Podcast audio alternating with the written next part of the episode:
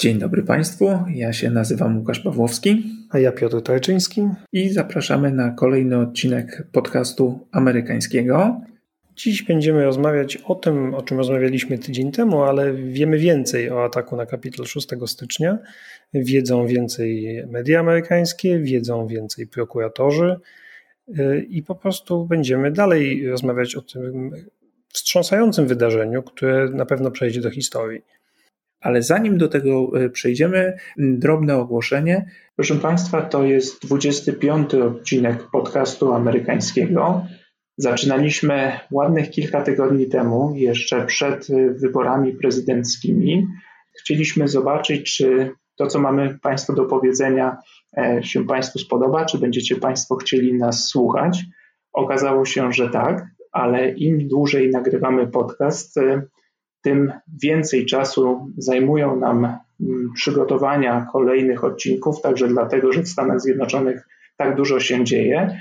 I w związku z tym y, zwracamy się do Państwa z drobną prośbą. Od dzisiaj jest dostępny nasz profil na stronie Patronite. Można tam wejść i wesprzeć nas y, dowolną sumą y, pieniędzy. My za te środki chcemy przede wszystkim kupić czas potrzebny na przygotowanie się do odcinka, na opłacenie prenumerat, programów, hostingu tego podcastu, po to, żeby te podcasty mogły być w przyszłości jeszcze lepsze, dłuższe, być może pojawiać się częściej, żebyśmy mogli odpowiadać na więcej Państwa pytań. Jeżeli chcecie nas wesprzeć, jeżeli lubicie podcast amerykański, to proszę zajrzyjcie na patronite.pl, tam znajdziecie naszą e, podstronę i ewentualnie możecie nas wesprzeć. A teraz y, przechodzimy już y, do tematu.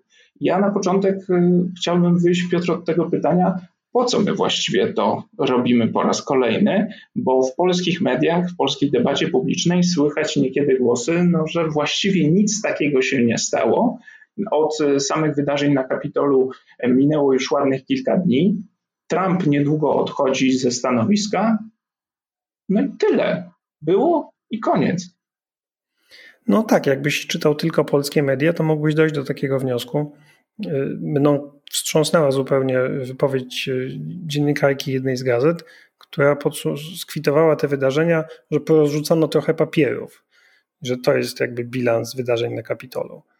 No y, nie wiem, no tak nie można było myśleć nawet 6 y, czy 7 stycznia, kiedy już widzieliśmy, że to nie są tylko porozrzucane papiery czy wybite okna, ale też pięć ofiar śmiertelnych ale, y, ale w kontekście tego, co, co wychodzi na jaw teraz, co, czego się dowiedzieliśmy w ostatnich dniach, to po prostu y, mówienie czegoś takiego jest nieprzyzwoite.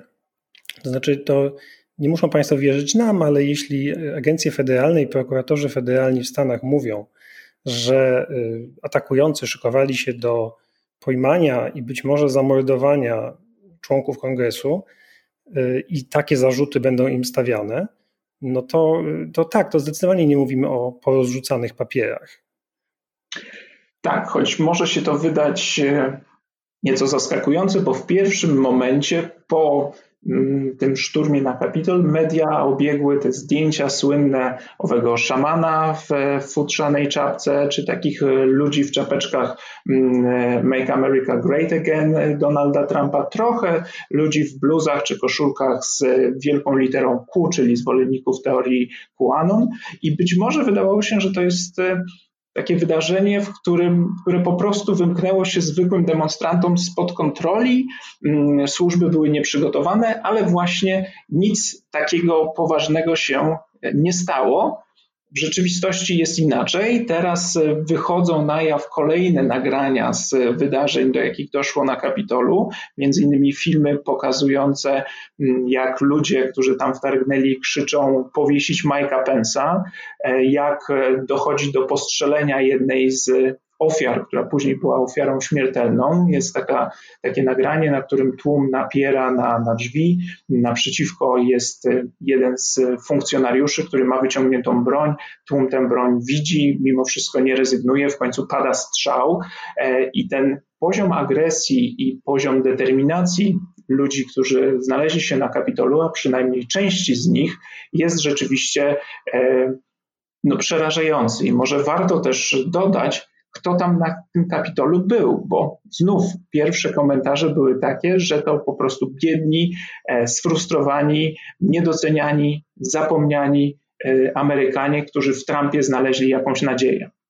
No tak, to też y, są głosy, które pojawiają się w polskiej debacie, że nie wolno tych ludzi nazywać terrorystami, że tłumaczenie słowa mob na motłoch to jest oznaka braku szacunku wobec elektoratu Trumpa, powinniśmy tych ludzi zrozumieć, pochylić się nad nimi itd., tak itd. Tak Ale wydaje mi się, że to jest w ogóle fundamentalne niezrozumienie tego, z czym mieliśmy do czynienia. Nie mówimy o 70 kilku milionach y, wyborców Trumpa, którzy szturmowali Kapitol, i to nie są ludzie, nad którymi, e, których powinniśmy zrozumieć. Ja jestem całym sercem za próbą e, wyciągnięcia ręki do elektoratu Trumpa, zrozumienia, dlaczego zagłosowało na niego tyle ludzi w 2016 czy w 2020, co Partia Demokratyczna może im zaproponować. Nawiasem mówiąc, na lewicy taka debata toczy się już od, co najmniej od czterech lat. Na prawicy, prawdę mówiąc, czegoś takiego nie widzę. Jakby popraw mnie, jeśli się mylę, ale nie wydaje mi się, żeby po prawej stronie amerykańskiej sceny politycznej były próby zastanawiania się, jak dotrzeć do wyborców demokratycznych, jak ich przekonać na swoją stronę, jak im wytłumaczyć, że się mylą i tak dalej, i tak dalej. Jest tylko postrzeganie ich jako i przedstawienie jako wrogów. Lewa strona cały czas się zastanawia, jak dotrzeć do wyborców Trumpa. Ale osoby, które szturmowały Kapitol 6 stycznia, to nie są właśnie wyborcy Trumpa, to znaczy to nie jest cały elektorat Trumpa. To nie byli ludzie wykluczeni ekonomicznie, martwiący się układem nafta, czy w ogóle polityką gospodarczą ostatnich 40 lat, Wręcz przeciwnie, jak dziś wiemy, była tam sporo klasy średniej, ludzie nawet z klasy wyższej, syn jakiegoś sędziego z Brooklynu, agentka nieruchomości, która świętowała szampanem w hotelu, medalista olimpijski, republikańscy ustawodawcy z, z, z dwóch co najmniej stanów. To nie są ludzie wykluczeni, bo, bo tak jak mówiliśmy, ich stać było na to, żeby przejechać całe Stany albo przelecieć e, na drugi koniec kraju, żeby móc zaprotestować to byli ludzie omamieni ideologią, zradykalizowani przez ostatnie, no właśnie, miesiące, ale i lata. I tutaj y, kwestia klasowa czy, ten, czy społeczna w ogóle to jest jakby błędny klucz. Wydaje mi się, że to nie w ten sposób należy na to patrzeć, bo radykalizacja nie zna barier klasowych. Y, w ostatnich też dniach pojawiło się kilka takich artykułów, w których pisze się o ludziach, którzy brali udział w tym ataku. I są wypowiedzi członków rodziny, znajomych, krewnych. I są wszyscy zanie... opowiadają historię o ludziach, którzy wpadli w jakąś króliczą norę teorii spiskowych, z których tracą kontakt z rodzinami, z przyjaciółmi, radykalizują się coraz bardziej. I to i ten prawicowy radykalizm przybrał swoją ekstremalną formę właśnie 6 stycznia w ataku na Kapitol, ale naprawdę nie wiem, czy chcemy pochylać się nad tymi ludźmi, próbować ich zrozumieć i wyciągnąć do nich rękę, bo obawiam się, że moglibyśmy zajść w miejsce, w którym nie chcielibyśmy się znaleźć, kiedy próbowalibyśmy zrozumieć, no właśnie, tak jak mówisz, tego, kto tam był, czyli na przykład neonazistów, czyli na przykład kuanonowców, czyli na przykład y, radykalną, skrajną prawicę.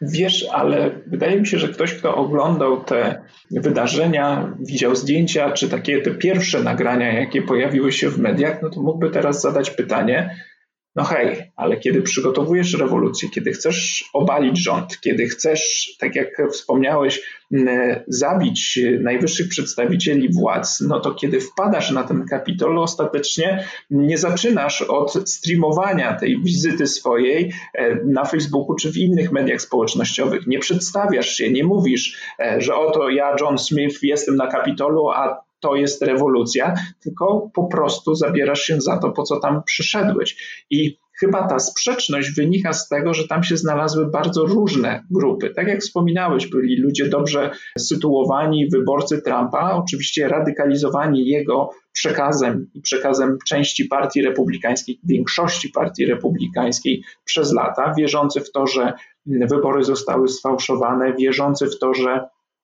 prezydentura Bidena jest jakąś katastrofą dla Stanów Zjednoczonych, wierzący w to, że mogą utracić swój kraj. To była jedna grupa, ale byli tam także ludzie, którzy przyszli tam tylko i wyłącznie po to, żeby zrobić coś złego, bo pojawiali się tam e, przedstawiciele między innymi Proud Boys czy Oath Keepers, czyli tych organizacji prawicowych paramilitarnych, um, ubrani w taki strój, jakby szli no, co najmniej na polowanie. Mieli wyposażenie w postaci, mieli swoją broń, mieli także takie specjalne plastikowe kajdanki, z których policjanci także korzystają. Brzmi to może niepoważnie, plastikowe kajdanki, ale nie chodzi o zabawkowe kajdanki, tylko takie linki, które zakłada się zatrzymanym zamiast kajdanek metalowych. I po coś je tam oczywiście mieli. Byli tam ludzie, z tego co czytaliśmy, którzy doskonale wiedzieli, jak się po tym budynku poruszać choć jednocześnie byli też tacy, którzy po wejściu na Kapitol krzyczeli, czy ktoś może zgooglować, gdzie jest Senat, a gdzie jest Izba Reprezentantów. Więc jest tam kilka grup, które są ze sobą pomieszane, ale to nie znaczy, że to, do czego doszło, nie było niebezpieczne. Zresztą e, odsyłam Państwa jeszcze raz do tych nagrań, do filmów, jakie już się ukazały. E, wystarczy zobaczyć, jak reagowały służby porządkowe, jak reagowali agenci ochrony i jak reagowali senatorowie czy mm, kongresmeni na to, co się działo. Tam nie było przekonania, że oto mamy do czynienia z demonstracją, która nieco wymknęła się spod kontroli, tylko było przekonanie, że mamy do czynienia z atakiem naprawdę nie było tak, że weszli ci ludzie, rozrzucili trochę papierów i poszli do domu, tylko to była i w sferze symbolicznej ataku na miejsce, gdzie dokonuje się zatwierdzenia wyników wyborów prezydenckich, ale także w takiej realnej, bezpośredniej sferze zagrożenia dla senatorów i kongresmenów to było bardzo niebezpieczne i bezprecedensowe wydarzenie.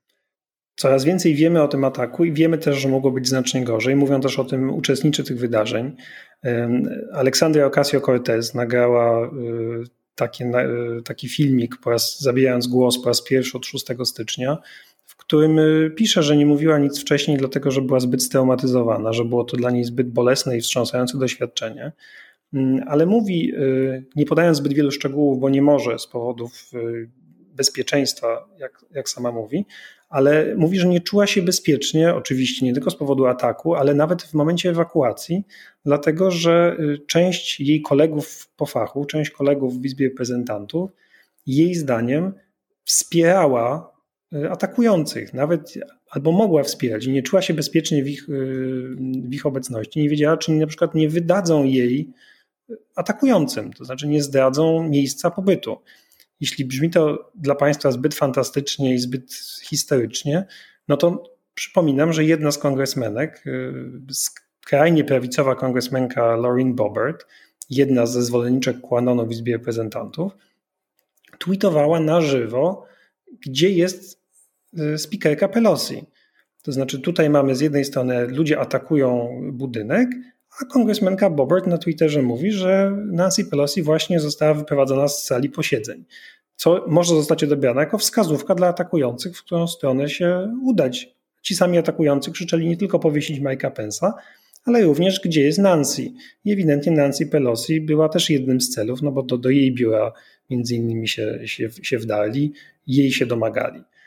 Wiemy też, że byli, atakujący byli znacznie bliżej tych najważniejszych polityków amerykańskich niż, niż to się wydawało początkowo.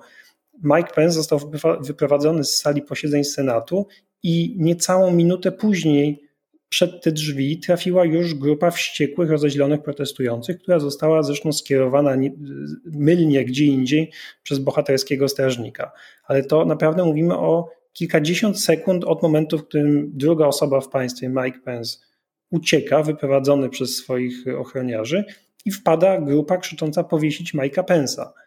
To naprawdę y, pokazuje, że sytuacja była po pierwsze y, bardzo niebezpieczna, a po drugie oczywiście, że doszło do jakiejś kompletnej katastrofy z punktu widzenia bezpieczeństwa. Służby zawiodły na całej linii, y, zarówno na etapie ochrony Kapitolu, ale też, znowu co wiemy więcej, na etapie wcześniejszym. To znaczy, ten atak był zapowiedziany w pewien sposób na mediach społecznościowych prawicowych, na forach redditowych, na Parlerze, czyli takim e, prawicowym substytucie Twittera, ludzie z, zmawiali się na temat tego ataku, były mowy o ataku i, e, i FBI, lokalne oddziały FBI informowały centralę, że szykuje się atak i że sytuacja może wymknąć się spod kontroli, albo jest po prostu niebezpieczna, no ale FBI centralne nie zrobiło z tym zbyt wiele.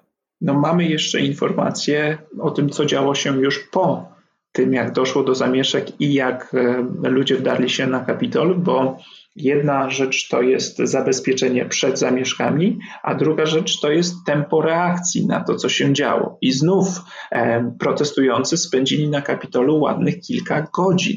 E, część z nich, duża część z nich po prostu później wyszła i tak jak wspominaliśmy, niektórzy nawet świętowali zdobycie Kapitolu szampanem w hotelach. Dopiero później zaczęły się zatrzymania, ale też e, samo opanowanie sytuacji zajęło kilka godzin. Wiemy, że opóźnienie z wezwaniem Gwardii Narodowej wynikało także z faktu, że prezydent Donald Trump nie chciał tego zrobić i ostatecznie decyzję podjął wiceprezydent Mike Pence, który dodajmy, żeby jeszcze nakreślić taki osobisty wymiar tego, co się działo dla kongresmenów, wiceprezydenta, dla senatorów. Akurat Pence przebywał wówczas e, na Kapitolu z rodziną, z żoną, z dziećmi. Był tam także jego brat, który jest e, członkiem Izby Reprezentantów. A więc Opanowanie sytuacji trwało kilka godzin. Opóźnienie z wysłaniem posiłków prawdopodobnie wynikało także z niechęci Trumpa do podjęcia bardziej stanowczych kroków. Jak też wiemy z doniesień, Trump, kiedy dowiedział się o tym, że atak ma miejsce, był podobno zachwycony i bardzo mu się to podobało. Być może nie zdawał sobie sprawy z powagi sytuacji. Nie wierzę, że to mówi i broni Donalda Trumpa, no ale nie chce mi się wierzyć, że, że cieszyłby się wiedząc, że kongresmeni są w realnym fizycznym niebezpieczeństwie, no ale może się mylę. Natomiast y, faktycznie nieprzygotowanie, brak reakcji, to, to jest jeden poważny problem i oczywiście trwa już śledztwo na ten temat, kto zawinił, że do tego w ogóle doszło, ale też trwa śledztwo i prokuratorzy interesują się zachowaniem kongresmenów. Nie tylko kongresmenki Bobert, ale też e, kilkoro innych republikańskich, prawicowych e, kongresmenów. Być może, powtarzam, być może pomagało w jakiś sposób atakującym. To znaczy są doniesienia, że na przykład dzień przed atakiem na Kapitolu zjawiła się wycieczka ludzi na zaproszenie prawicowych kongresmenów, która y, zwiedzała Kapitol, ale być może była to tak naprawdę wyprawa rekonesansowa, to znaczy próbowali się zorientować w układzie pomieszczeń y, i tak dalej, i tak dalej. Rzeczywiście y, Aleksandra Ocasio-Cortez nie jest jedyną demokratką, która, która to mówi. Takich głosów jest kilka, że kilkoro republikańskich kongresmenów związanych z QAnonem albo w ogóle ze skrajną prawicą, nie tylko sympatyzowało, bo to, że sympatyzowało z atakującymi, to wiemy. No w końcu kilkoro kongresmenów też brało udział w tym wiecu Trumpa, który te, do tych wydarzeń doprowadził. Ale nie tylko sympatyzowała, ale być może również aktywnie pomagała atakującym. Piotr powiedział przed chwilą, że to wiec Trumpa doprowadził do ataku na Kapitol, a to jest element debaty teraz e, politycznej w Waszyngtonie. Jak wiadomo, jak Państwo zapewne słyszeli, mm, Trump e, po raz kolejny został postawiony w stan oskarżenia.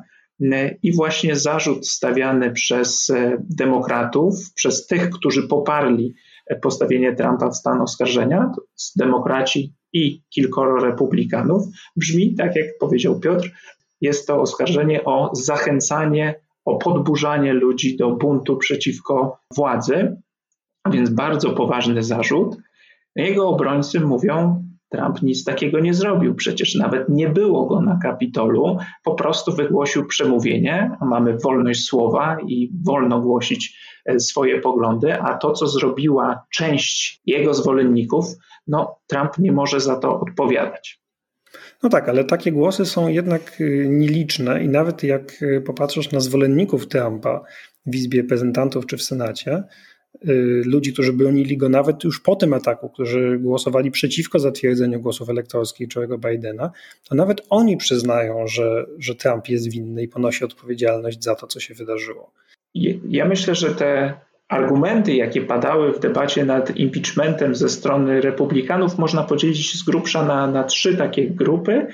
Pierwsza grupa to są politycy najbardziej oddani Trumpowi i zawsze go broniący, e, na przykład kongresmen e, Jim Jordan, którzy mówią, demokraci od zawsze próbowali dopaść Trumpa, od kiedy został zaprzysiężony, szukali sposobów, żeby skrócić jego prezydenturę i to jest po prostu kolejna odsłona tego procesu.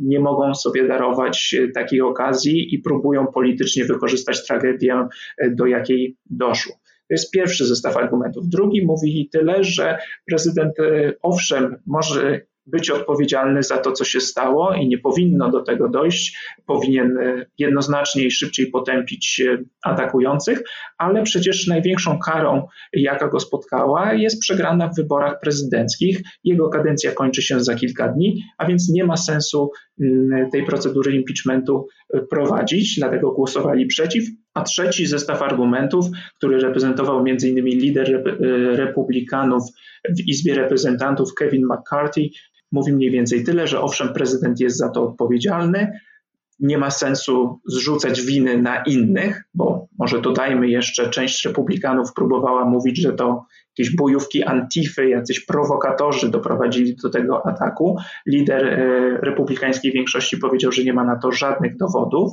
więc prezydent jest odpowiedzialny, ale teraz po takim wydarzeniu powinniśmy się jednoczyć, a nie rozdrapywać rany, a proces impeachmentu tylko te podziały wzmocni i te emocje rozbudzi na nowo.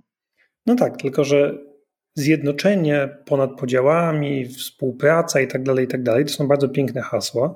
Szkoda, że republikanie nie stosowali ich wcześniej. Natomiast jeśli doszło do jakiegoś ponadpartyjnego porozumienia, to właśnie w impeachmencie Donalda Trumpa. Impeachment Trumpa, gdzie dziesięcioro republikanów zagłosowało za postawieniem prezydentowi zarzutu podżegania do buntu, to jest najbardziej ponadpartyjny impeachment w historii. Nigdy się nie zdarzyło, aby mieliśmy cztery impeachmenty w historii, żeby aż tylu kongresmenów z partii opozycyjnej wobec prezydenta zagłosowało za postawieniem mu zarzutów. I to jest rzeczywiście y, współpraca ponadpartyjna, to znaczy obie strony, demokraci i ci republikanie, którzy znaleźli w sobie dość odwagi czy sumienia, żeby zagłosować przeciw Trumpowi, mówią, ta sytuacja wymaga współpracy. Doszło do bezprecedensowego ataku na demokrację, prezydent jest za to odpowiedzialny, barwy partyjne nie mają znaczenia. Wspólnie dla dobra narodu, dla konstytucji itd., tak itd. Tak głosujemy za postawieniem Trumpowi zarzutów i postawieniem go w stan oskarżenia. Co na to mówią republikanie? Nie wolno tak robić, to jest skandal i ci republikanie, którzy zagłosowali za e, postawieniem Trumpowi zarzutów, powinni zostać y, ukarani przez nasz klub, pozbawieni stanowisk. Szczególnie tutaj ataki y, są kierowane wobec Liz Cheney, czyli numer 3 y, wśród republikanów w Izbie Reprezentantów. Liz Cheney to córka Dicka Cheneya, byłego wiceprezydenta, wpływowa kongresmenka i ona powiedziała, że kierując się głosem sumienia, głosuje za postawieniem Trumpowi zarzutów. I na to właśnie Jim Jordan i reszta najbardziej wiernych republikanów wiernych Trumpowi republikanów mówi, nie, to jest skandal, tak nie wolno, zabierzmy jej stanowisko. Do tego nie dojdzie, ale to pokazuje, że y, rozmowy i mówienie o jedności, współpracy i ponadpartyjnym działaniu to jest oczywiście ściema. Słychać w amerykańskich mediach takie relacje z mm, Izby Reprezentantów, że większa nawet liczba kongresmenów republikańskich zdecydowałaby się zagłosować za impeachmentem, ale obawiają się i to nie obawiają się konsekwencji politycznych, tego, że mogliby zostać później niewybrani, a przynajmniej nie tylko konsekwencji politycznych, ale mają po prostu obawy o swoje bezpieczeństwo, co pokazuje nam, jak zdeterminowana i jak zradykalizowana jest część wyborców Trumpa i jak traci też e, kontrolę i relacje z elektoratem ten e, partyjny establishment, e, bo można powiedzieć, że część tych wyborców to są nie tyle wyborcy Partii Republikańskiej, co wyborcy Trumpa i wierni przede wszystkim jemu. Ja jeszcze dodałbym dwa słowa o tym impeachmencie. Rzeczywiście było tak, że w poprzednich impeachmentach, e, impeachmencie Andrew Johnsona, żaden z jego kolegów z Partii Demokratycznej nie zagłosował za impeachmentem, a w przypadku impeachmentu Billa Clintona maksymalnie pięciu demokratów głosowało za tym, żeby, żeby tę procedurę kontynuować. Clinton miał cztery zarzuty i przy dwóch z nich pięciu demokratów zagłosowało za dalszym procedowaniem, a więc ta dziesiątka republikanów, która teraz zagłosowała za, za oskarżeniem Trumpa, to jest wbrew pozorom całkiem dużo. Nawiasem mówiąc, Trump przechodzi do historii nie tylko jako polityk, jako prezydent dwukrotnie poddany procedurze impeachmentu, ale także jako pierwszy republikanin i polityk odpowiedzialny za 50% procedur impeachmentu, jakie w historii Stanów Zjednoczonych uruchomiono. Było ich cztery, z czego dwie przypadają na Trumpa. Jeśli coś jest pocieszające, jeśli próbować znaleźć coś pocieszającego w tym wszystkim, to że sondaże ostatnie są trochę lepsze i trochę przywracają wiarę w ludzi, dlatego że początkowo wydawało się i te pierwsze sondaże, kiedy jeszcze nie wiedzieliśmy wszystkiego o tym ataku, co, co wiemy teraz, kiedy rzeczywiście mogła dominować narracja, że to wszystko ludzie w śmiesznych czapkach, to mniej więcej połowa republikanów wyrażała poparcie dla tego ataku. 45% w jednym, w pierwszym sondażu. Ale w miarę jak wychodziły kolejne fakty i coraz bardziej było jasne, że był to, to po prostu próba przewrotu, zbrojnego ataku czy atak terrorystyczny, to y, rzeczywiście sympatia wobec Trumpa zaczęła maleć. Nie, że spadła, ale dramatycznie, ale rzeczywiście zmalała. Ale według ostatniego sondażu ABC i Washington Post atak na Kapitol popiera tylko 19% zwolenników Trumpa i tylko 15% republikanów. Y, a cała reszta jest temu atakowi przeciwna. To jest y, wciąż dużo oczywiście, 20 prawie procent zwolenników Trumpa uważa, że nawet wiedząc już to, co wiedzą o tym ataku, uważa, że stało się dobrze, ale nie jest to na szczęście 45%, jak wydawało się początkowo. Więc y, faktycznie im dalej, tym, tym lepiej, to znaczy tym partia republikańska i wyborcy republikańscy reagują na to rozsądnie, jak się wydaje. Rzeczywiście był taki moment, w którym y, zaczęło się władztwo Trumpa nad partią republikańską chwiać. Opinia publiczna była zdecydowanie przeciwna y, tym politykom, którzy sprzeciwili się zatwierdzeniu głosów elektorskich Bidena. Mm, nie mówimy oczywiście tylko o wielkich korporacjach typu Twitter i Facebook, które zawiesiły konto, konto Trumpa, ale też na przykład duże korporacje wstrzymały datki dla tych polityków Partii Republikańskiej, którzy głosowali już po ataku na Kapitol za wywróceniem wyniku demokratycznych wyborów. Na jakiś czas, chyba na pół roku, z tego co pamiętam, żeby ochłonąć, ale w każdym razie był to jakiś sygnał, że nawet wielki biznes wspierający republikanów nie widzi sensu w popieraniu takich polityków jak Ted Cruz czy Josh Hawley. Jest to jakiś pozytywny znak, nawet oczywiście jeśli jest to, te korporacje nie kierują się troską o demokrację i o jakimiś zasadami, myślę, tylko po prostu własnym interesem ekonomicznym, ale to znaczy, że wyczuwają, że opinia publiczna jest zdecydowanie przeciwna temu, co się wydarzyło i nie ma tutaj poparcia dla terrorystycznego ataku na Kapitol. Znowu, no nie jest to y, może fantastyczna wiadomość, że większość Amerykanów jest przeciwna atakom terrorystycznym, to, to powinno nas cieszyć oczywiście, no ale to, to powinno być coś zupełnie oczywistego. Aczkolwiek, jeżeli spojrzymy na wyniki sondaży, gdzie pytano ankietowanych o to, czy należy uruchomić tę procedurę impeachmentu i czy Trump powinien być jej poddany, to wypadają one mniej więcej pół na pół. Ostatnio widziałem sondaże, gdzie 53-55% ankietowanych jest za tym, żeby Trumpa rzeczywiście skazać ale te wyniki mogą e, także odzwierciedlać to, że część ankietowanych uważa po prostu, że skoro Trump odchodzi, to nie ma sensu tej procedury kontynuować. Może gdyby ona, e, gdyby to wszystko zdarzyło się rok temu, to ten odsetek byłby większy. Także nie znamy motywacji, dla których część ludzi mówi nie, nie warto z tą procedurą iść dalej, ale może warto sobie odpowiedzieć na pytanie, jakie są szanse na to, żeby Trumpa w ogóle skazać i czy w ogóle można go skazać, skoro jego kadencja kończy się 20 e, stycznia. No i tutaj właśnie no nie jesteśmy ekspertami od e, prawa konstytucyjnego amerykańskiego, ale nawet eksperci nie są zgodni. Są zasadniczo dwa stanowiska. Jedni eksperci mówią, że można, inni mówią, że nie można. Oczywiście ci, którzy twierdzą, że nie, twierdzą, że po prostu konstytucja mówi, że najwyższą sankcją i karą za skazanie prezydenta jest usunięcie go z urzędu i kiedy Trump nie będzie już zasiadał w fotelu prezydenta, no to nie można go z tego stanowiska usunąć, a zatem nie da się skazać prezydenta po jego odejściu z, z urzędu. Natomiast y, druga grupa mówi, no nie, istnieje precedens, XIX-wieczny precedens, kiedy kongres skazał, znaczy postawił zarzuty sekretarzowi wojny w gabinecie prezydenta Granta i wtedy ten sekretarz zrezygnował ze stanowiska, a i tak Senat go skazał, nawet jeśli ten człowiek był już byłym sekretarzem wojny. Senat e, uzyskał większością głosów, zagłosował za skazaniem, ale nie była to wystarczająca większość e, dwóch trzecich głosów, ale nie zmienia to faktu, że cała procedura była, e, miała miejsce, mimo faktu, że, że ten człowiek ustąpił ze swojego stanowiska. I tutaj dochodzi jeszcze jeden argument, w którym powołują się zwolennicy procedowania na to, czemu ma służyć impeachment. Czy impeachment ma być przede wszystkim karą za przeszłe czyny?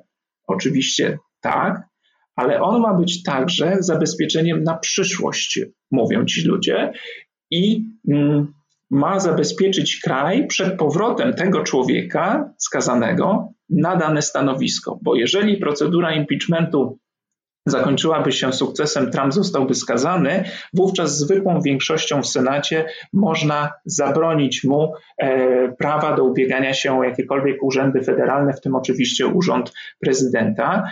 To na tym może zależeć e, części demokratów, e, ogromnej liczbie zwolenników Partii Demokratycznej, którzy chcą, żeby Trump poniósł karę za to, co robił, ale paradoksalnie może to być także kusząca perspektywa dla mm, liderów Partii Republikańskiej, polityków Partii Republikańskiej w ogóle. Dlaczego? No, z pewnością, gdybym był Tedem Cruzem czy Joshem Holleyem i marzyłbym o prezydenturze w 2024 roku, to w sumie na rękę byłaby mi sytuacja, gdyby Trump nie mógł kandydować, bo byłby po prostu prawomocnie skazany przez Senat i jego baza byłaby do wzięcia. W związku z tym z pewnością tacy politycy właśnie jak Cruz myślą, będę sprzeciwiał się impeachmentowi w nadziei, że ten impeachment zostanie doprowadzony do końca, Trump zostanie skazany i pozbawiony możliwości kandydowania, a ja jako ten wierny sługa, który bronił prezydenta do końca, spróbuję przejąć jego bazę. Oczywiście jest to cyniczne y, podejście i tak jak zresztą większości tych republikanów, którzy popierali twierdzenia Trumpa o ukradzionych wyborach, o, o, fałszerstwach tak. Tak Wszystko było obliczone na to, aby zostać spadkobiercami trumpizmu i e, trumpowego elektoratu. E, pytanie oczywiście brzmi, po pierwsze, jak mówisz, czy tę procedurę można uruchomić w Senacie, czy nie. I tak naprawdę o tym się dowiemy dopiero, kiedy to zostanie uruchomione, jeśli zostanie. I o tym zdecyduje na pewno Sąd Najwyższy ostatecznie, bo jestem przekonany, że jeśli ta procedura zostanie przeprowadzona i jeśli Trump zostanie skazany, o czym za chwilę, to na pewno będą odwołania i na pewno sprawa ostatecznie trafi do Sądu Najwyższego. Na jak zdecyduje Sąd Najwyższy, to oczywiście Bóg jeden raczy wiedzieć. Natomiast czy znajdzie się 17 senatorów republikańskich, którzy by zagłosowali za skazaniem Donalda Trumpa? No i ja tutaj jestem jak zawsze sceptyczny, to znaczy uważam, że tej odwagi Partii Republikańskiej starczyło tylko trochę i tak jak znalazło się zaledwie 10 republikanów w Izbie Reprezentantów, czyli jakiś no, niewielki procent republikańskiej reprezentacji w, w niższej izbie, no to w Senacie może będzie tego trochę więcej procentowo, ale żeby aż 17, jakoś nie chce mi się w to wierzyć. Aczkolwiek warto zwrócić uwagę, że reakcje Mitcha McConnella, czyli najważniejszej osoby w Partii Republikańskiej w Senacie, lidera wciąż większości republikańskiej w Senacie, ta reakcja jest zupełnie inna niż w przypadku pierwszego impeachmentu. Otóż e, McConnell e, zapowiedział, że nie podjął jeszcze decyzji, jak zagłosuje musi poczekać na wysłuchanie argumentów, czym zasugerował, że ten proces może się odbyć nawet po zakończeniu mm, prezydentury Trumpa. To po pierwsze, a po drugie, New York Times e, donosił na podstawie rozmów z otoczeniem McConnella, że w prywatnych dyskusjach McConnell wyraża absolutną wściekłość na Trumpa i jest gotowy zagłosować za impeachmentem. Ale czym innym jest zagłosowanie samego McConnella, a czym innym jest ewentualna praca, którą McConnell będzie chciał wykonać, żeby przekonać tę grupę senatorów. Bo jeżeli bardzo by chciał, to pewnie zdobyłby te 17 głosów. Tak, jestem przekonany, że tutaj, jeśli demokratom zależy na skazaniu Trumpa, a myślę, że zależy, no to McConnell jest kluczową postacią. I McConnell wprawdzie stracił funkcję lidera większości, to znaczy zaraz straci Senat przejdzie pod kontrolę demokratów, ale głos McConnella i poparcie McConnella jest absolutnie kluczowe. I znalazłby tych 15, 16 innych republikanów, co niestety sugeruje, że Joe Biden, jeśli chce skazać i chce doprowadzić do skazania Trumpa, to musi z McConnellem współpracować. I McConnell paradoksalnie traci funkcję lidera większości senackiej, będzie liderem mniejszości, ale wciąż będzie bardzo ważną postacią i wciąż będzie od niego zależał los Trumpa. Nawet po utracie swojego ukochanego, wymarzonego stanowiska króla Senatu. Jeżeli to, co powiedzieliśmy przed chwilą, wywołało u Państwa jakieś cieplejsze może uczucia wobec Mitcha McConnella, to jeszcze zaznaczmy, że McConnell mógł podjąć jeszcze jedną ważną decyzję, której nie podjął. Otóż mógł zwołać specjalne posiedzenie Senatu, żeby ten proces rozpoczął się szybciej. Nie zdecydował się na to, a więc Senat zbierze się dopiero 19 stycznia, czyli na dzień przed inauguracją Joe Bidena. Hmm. Jaki z tego wniosek można wyciągnąć? Czy McConnellowi ostatecznie nie zależy na tym, żeby Trumpa skazać, a jedynie takie sygnały wysyła do mediów po to, żeby trochę Trumpa utemperować i pokazać mu, że to od niego, od McConnella zależy e, los e, prezydenta. Czy może po prostu chce przenieść całą odpowiedzialność za tę procedurę na demokratów, co także wydaje mi się prawdopodobne.